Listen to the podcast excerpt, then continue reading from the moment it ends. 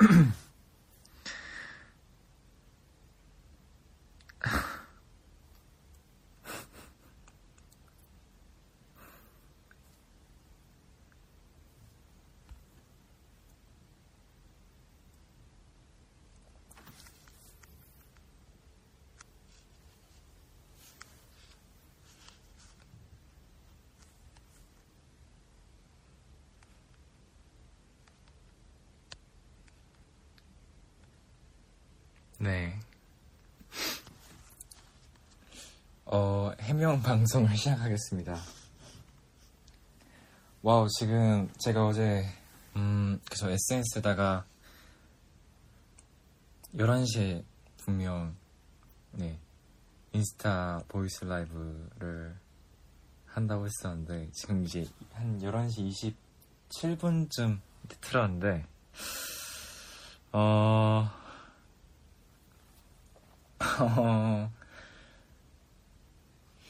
네, 지금 무릎 꿇고 네, 손 들고 있습니다.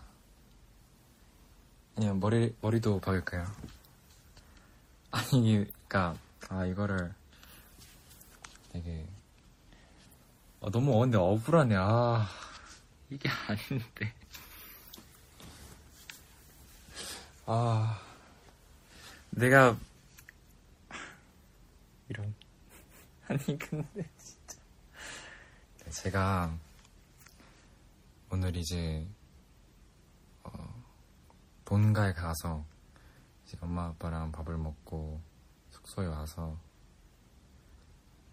어, 왠지 모름 모를 조금 피곤함이 갑자기 확 와가지고 자진 않았는데 그냥 안 누워 있다가 앉아 있다가 계속 반복하면서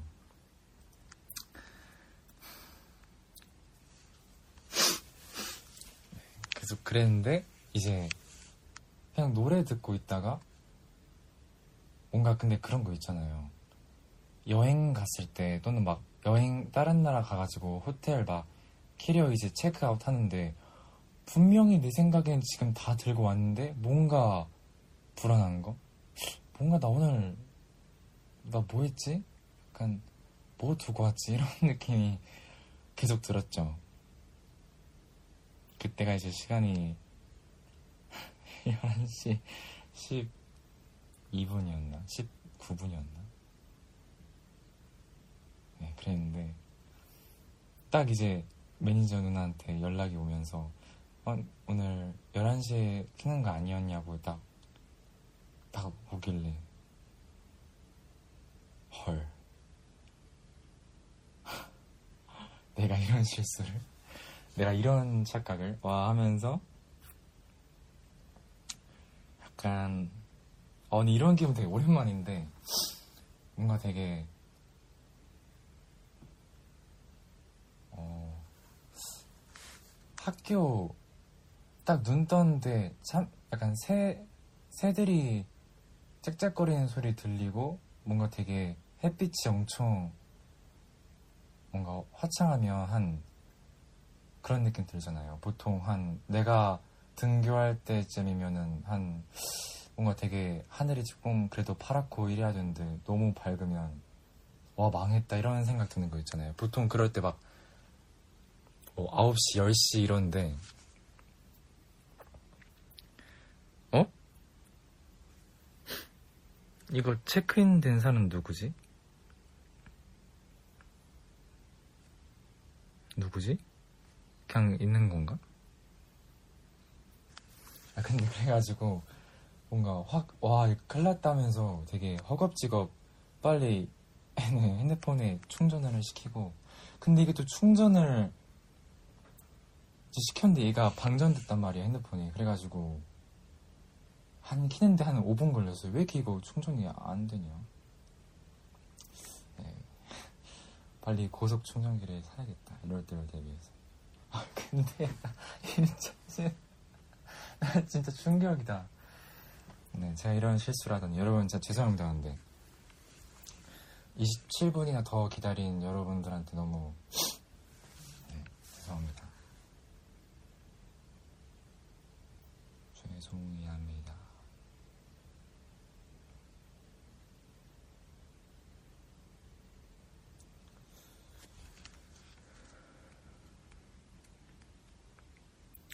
아, 어떻게.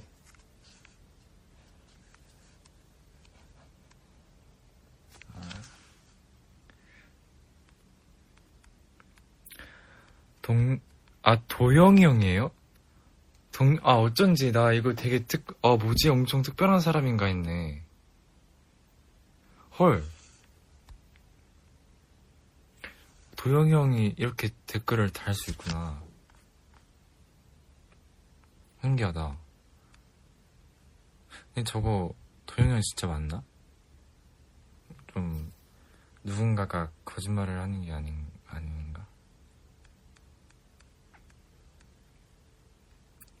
근데, 와. 도영이 형 최근에 본 적 있나? 네. 아무튼 여러분 오늘 정말 네 죄송합니다. 아, 원래 오늘 되게 가볍게 하려 했었는데 제가 27분을 늦는 바람에 되게 애매하게 됐네.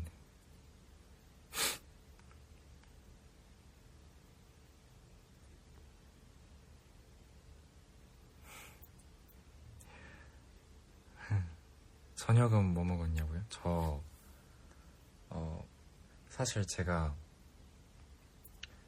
뭐냐 뭐 곱창, 대창, 막창 이런 거를 어, 많이도 많이도 안 먹어봤지만 사실 그렇게 막 좋아하진 않거든요. 네, 근데 한번 저희 부모님이 여긴 진짜 맛있다. 그 저희 친형이 되게 입맛이 엄청 까다로운데 약간 미식가 스타일이거든요. 근데 친형도 처음엔 진짜 아 나 진짜 그런 거 나 진짜 별로 안 좋아한다. 먹기 싫다 이렇게 얘기했었는데 한 번 가고 나니까 어 여기 괜찮네. 이렇게 했다고. 그래서 너도 한번 일단 속는 셈 속는 셈 치고 먹어보라 했는데 그래서 먹었는데 되게 어 사람들이 이걸 왜 먹는지 알 정도? 네 되게 맛있고 되게 고소하고 또 네. 그다음에 거기 볶음밥이 진짜 맛있었어요. 누룽 그 딱 밑에 누룽지처럼 돼가지고 딱 먹는데 아주 네, 기가 막혔습니다. 도영이 형, 내가 너무 도영이 형 언급 너무 없었나? 네, 도영이 형 이번에 뱀파이어 아주 멋있었어요. 뱀파이어 컨셉 favorite 베이보릿. 춤 진짜 뭐지? 후렴 처음 춤이 진짜 엄청 막 빡세다. 이런 표현 써도 되- 되나? 빡세던데. 되게 날렵하게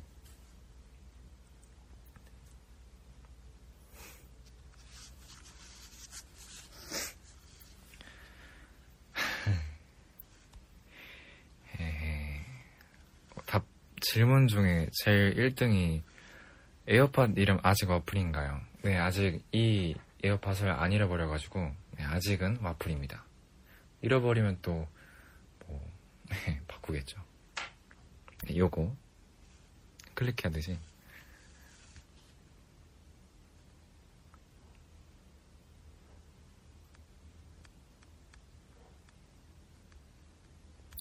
네, 그리고 그리고 제가 지금 요즘 이제 저 연속으로 두 번 인스타 라이브 voice 라이브를 했지만 또 이제 다른 멤버들도 같이 아니면 또 멤- 다른 멤버들 뭐 개개인 인사 할 예정이어가지고 네.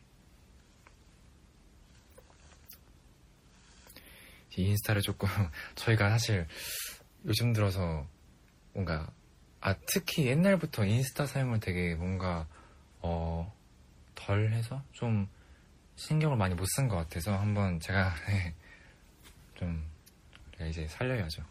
좀 더 활용을 해서 여러분들한테 좀 더 많이 근황도 이제 알려드리고 그러려고요. 음, 야식 추천. 어? 나 야, 곱창이요. 아, 어, 양대창? 제가 오늘 먹은 게 양대창이었는데. 그 다음에 그거. 어, 뭐였지? 그, 염통. 염통 되게 고기 맛, 예, 고기 맛이었는데. 염통 맛있었고. 요거. Hello 지성. Hi. Hi 준이. Hello 인도네시아. Hi. 안녕 지성. 안녕. 사양. 아 사양 알죠. 사양이 네. 저번 시 저번 라이브 방송 때 이제 뜻을 알았죠.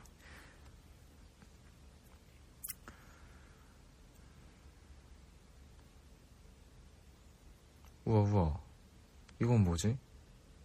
이, 이건 뭐지? 드르륵 탁이 뭘까요? 총 총인가? 나 이거 뭔가 많이 많이 본 것 같은데 엄청. 음 드르륵 탁. 네. 아 약간 아 모르겠다 문 소리인가? 네. 그 다음에 질문이 좀 되게 재밌더라고요.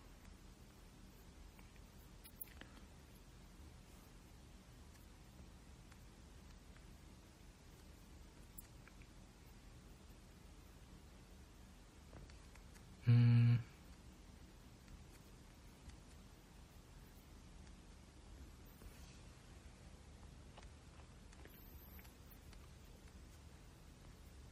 요거. 어, 지동이, 아, 오늘 뭐, 먹, 뭐 하고 뭐 먹고 무슨 생각했는지 말해줘. 제가 오늘, 어, 조금 늦게 일어나서, 네, 주말이니까 좀 늦게 일어나서, 뭘 했지? 아, 그, 베이커리에 가가지고, 샌드위치, 샌드위치를 사고, 그 다음에, 뭐지? 치즈케이크도 사고, 뭐지? 롤케이크? 블루베리 맛, 네. 블루베리 아주 맛있으니까. 그것을 사고, 네. 먼저, 그 다음에 쉐이크를 먹고, 샌드위치를 먹고, 그렇게 아침은 이제, 하고 딱 이제 본가를 간 것 같아요. 그리고 이제 본가에서 좀 쉬다가 오늘은 쉬어가지고 제가 어 본가에서 부모님과 정말 많은 네, 얘기를 나누다가 그래가지고 지금 약간 목이 약간 갔는데 한 네, 계속 얘기했죠 뭐 한 몇 시간 동안 얘기를 해가지고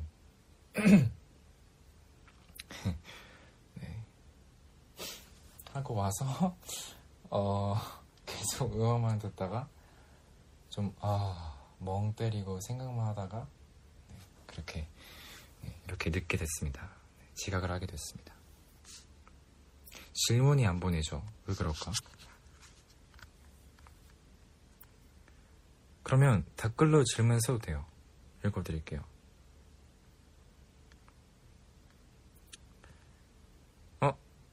지성아 요즘 다시 붕어빵 팔던데 사 먹었어? 저는 왜 안 보이죠?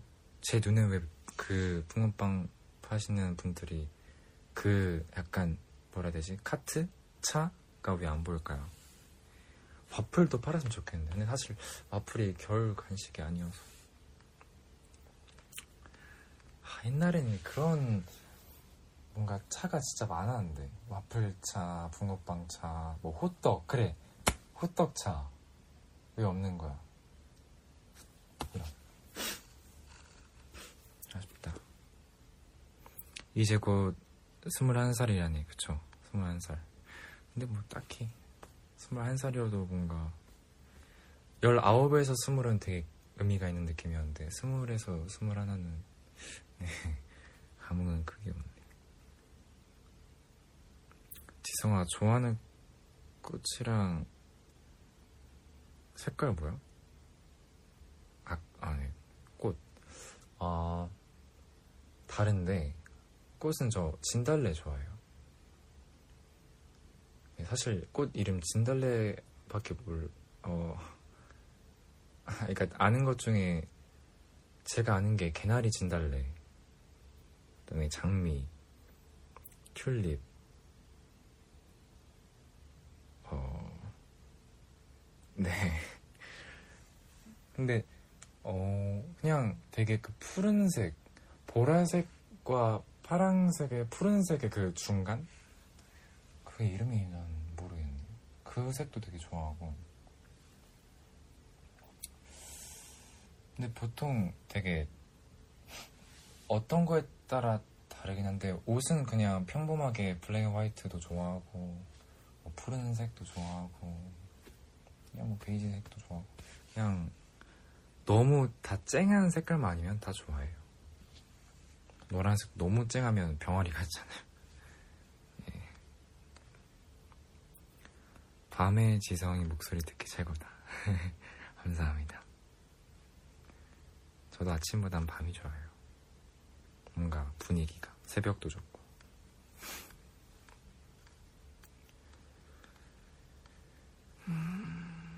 비염 괜찮아. 네, 비염이 괜찮았어요. 이게 항상 제가 환절기 환절기 때 좀 그래가지고 지금은 그냥 그런 거 없이 바로 물론 지금도 환절기를 할 수 있지만 슬슬 계속 추우니까 네, 적응을 한 것 같아요. 몸이. 적응 완료.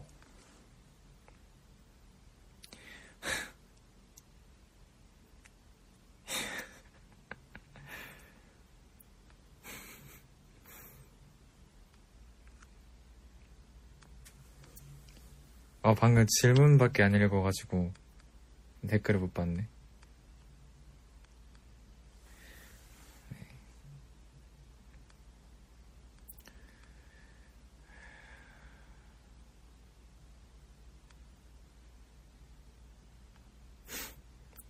다섯 살 차이였대.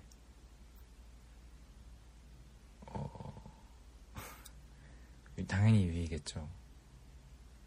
저는 솔직히 뭐 그런 걸 따지는 분들도 있겠죠. 근데 저는 잘 그냥 모르겠어요. 그러니까 모든 걸 잘 모르겠어요. 그냥 네. 지, 지성아 이거 라이브하고 저장해 줄 수 있어? 저장이요? 이거 근데 용량이 얘가 핸드폰이 감당 가능한가?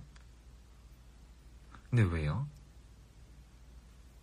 뭔가 내가 저장하고 따로 올릴 수도 있는 건가? 궁금하네요. 요즘 기타 열심히 저, 제호가 네 계속 그 하루의 루틴을 잡았는데요. 이게 하루의 습관처럼 딱 뭔가 할, 하려고 이제 잡았어요. 뭐 몇 개가 포함되어 있지만 일단 그 중에 기타도 있어서 뭐 네, 이미 왼손에 지금 굳은 살이 박혔고 이게 빨리 수업을 해야 되는데 뭔가 음 되게 현실적 이게 생각을 해봤는데 음 기타도 좋죠. 근데 다른 것 되게 중요한 다른 중요한 것도 되게 많아가지고 근데 뭐 해야죠. 기타 수업 독학이랑 확실히 다르니까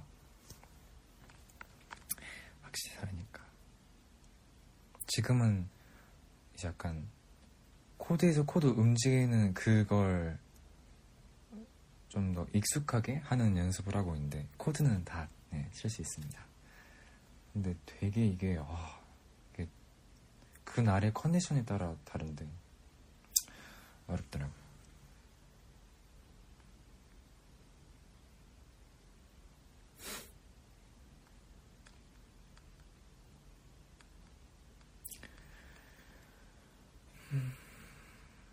폰의 용량 용량 차지하는 거 아니야. 아이고. 죄송합니다. 제가 많은 걸 몰라요. 네, 그렇구나. 한번 그러면 해볼게요. 음, 아, 아. 그리고 뭐냐. 어, 뭐 말려 했지? 아, 아니에요. 지성아, 나 이번에 수능 본다. 너랑, 아, 수능, 아, 또 본다. 너랑 동갑인데 너가 수능 응, 응원 해주면 정말 힘이 될 것 같아. 어, 뭐, 사실, 첫 번째 수능 때 이제 만족을 좋다고 하신 거니까 물론 더 부담이 될 수도 있고 또막 이제 주변에서 또 이제 그런 거가 있을 수도 있겠죠. 그걸 본인이 알아서 더 부담될 수도 있고. 근데 어차피 나중에 잘 돼서 성공하면 그거조차도 되게 뭔가 다른 사람 뭐라 되지? 길이 될 수 있으니까. 그러니까 되게 결과론적인 느낌이긴 한데 뭐 나중에 잘 되면 그런 것들이 다 이제 의미가 없, 없는 것들이잖아요. 그러니까 진짜 부담 갖지 마시고 그냥 이거는 그러니까 이게 끝이 아니니까 그렇죠. 수능 잘 본다고 다 막 모든 사람이 성공하지 않고 그런 거니까 네, 너무 부담 갖, 갖지 말고 하는 대로 나올 거예요. 덜 했다면 더 결과가 좋을 겁니다. 괜찮아요. 화이팅! 화이팅! 으.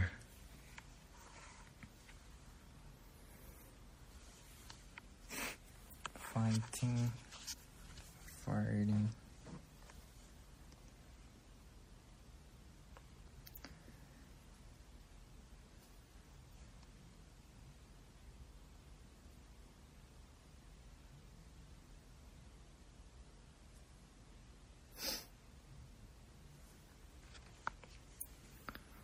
지성 아가, 지성이가 태국어를 했나요? 할까요? 사우디캅, 거쿤캅. 네. 그 태국 타이 음식 중에 그 뭐냐 정말 옛날에 가봐서 똥냥꿍을 먹어봤는데 어떻게 보면 되게 향신료? 되게 특유의 그 향이 되게 있었단 말이에요. 그걸 뭐 그거에 안 맞는 사람이 있고 맞는 사람이 있는데 저는 맞았어요. 되게 제가 아무래도 마라탕과 이제 허거, 허거 그런 음식을 향이 센 음식을 좋아하니까 네, 되게 그런 음식에 잘 맞는 것 같아요. 근데 요즘 요즘은 또 이제 그런 어떤 맛이 세고 자극적인 것보단 좀 음, 약간 싱겁게 먹는 먹으려고 노력하고 있는데 뭐 네, 좋아합니다. 맛있어요.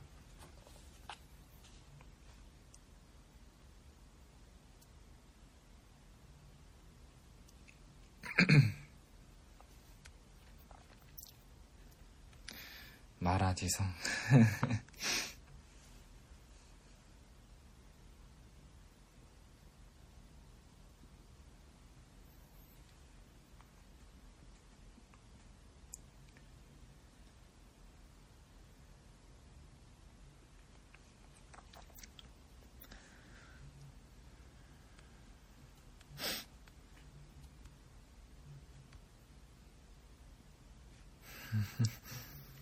안녕 안녕 지성 안녕 apa kabar Hi Please say anesthesia 만돌 만돌 만돌이 최고 짱이란 뜻이거든요. 만돌 네. 사양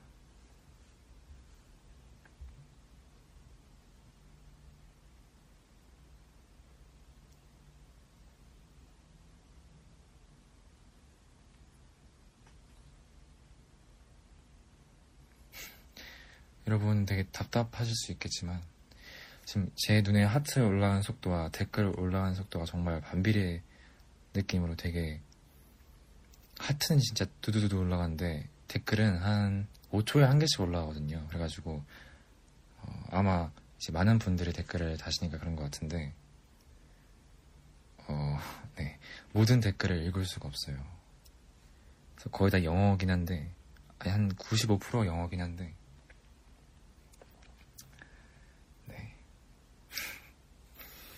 영어 그 하루 루틴 중에 영어와 영어 공부도 있습니다.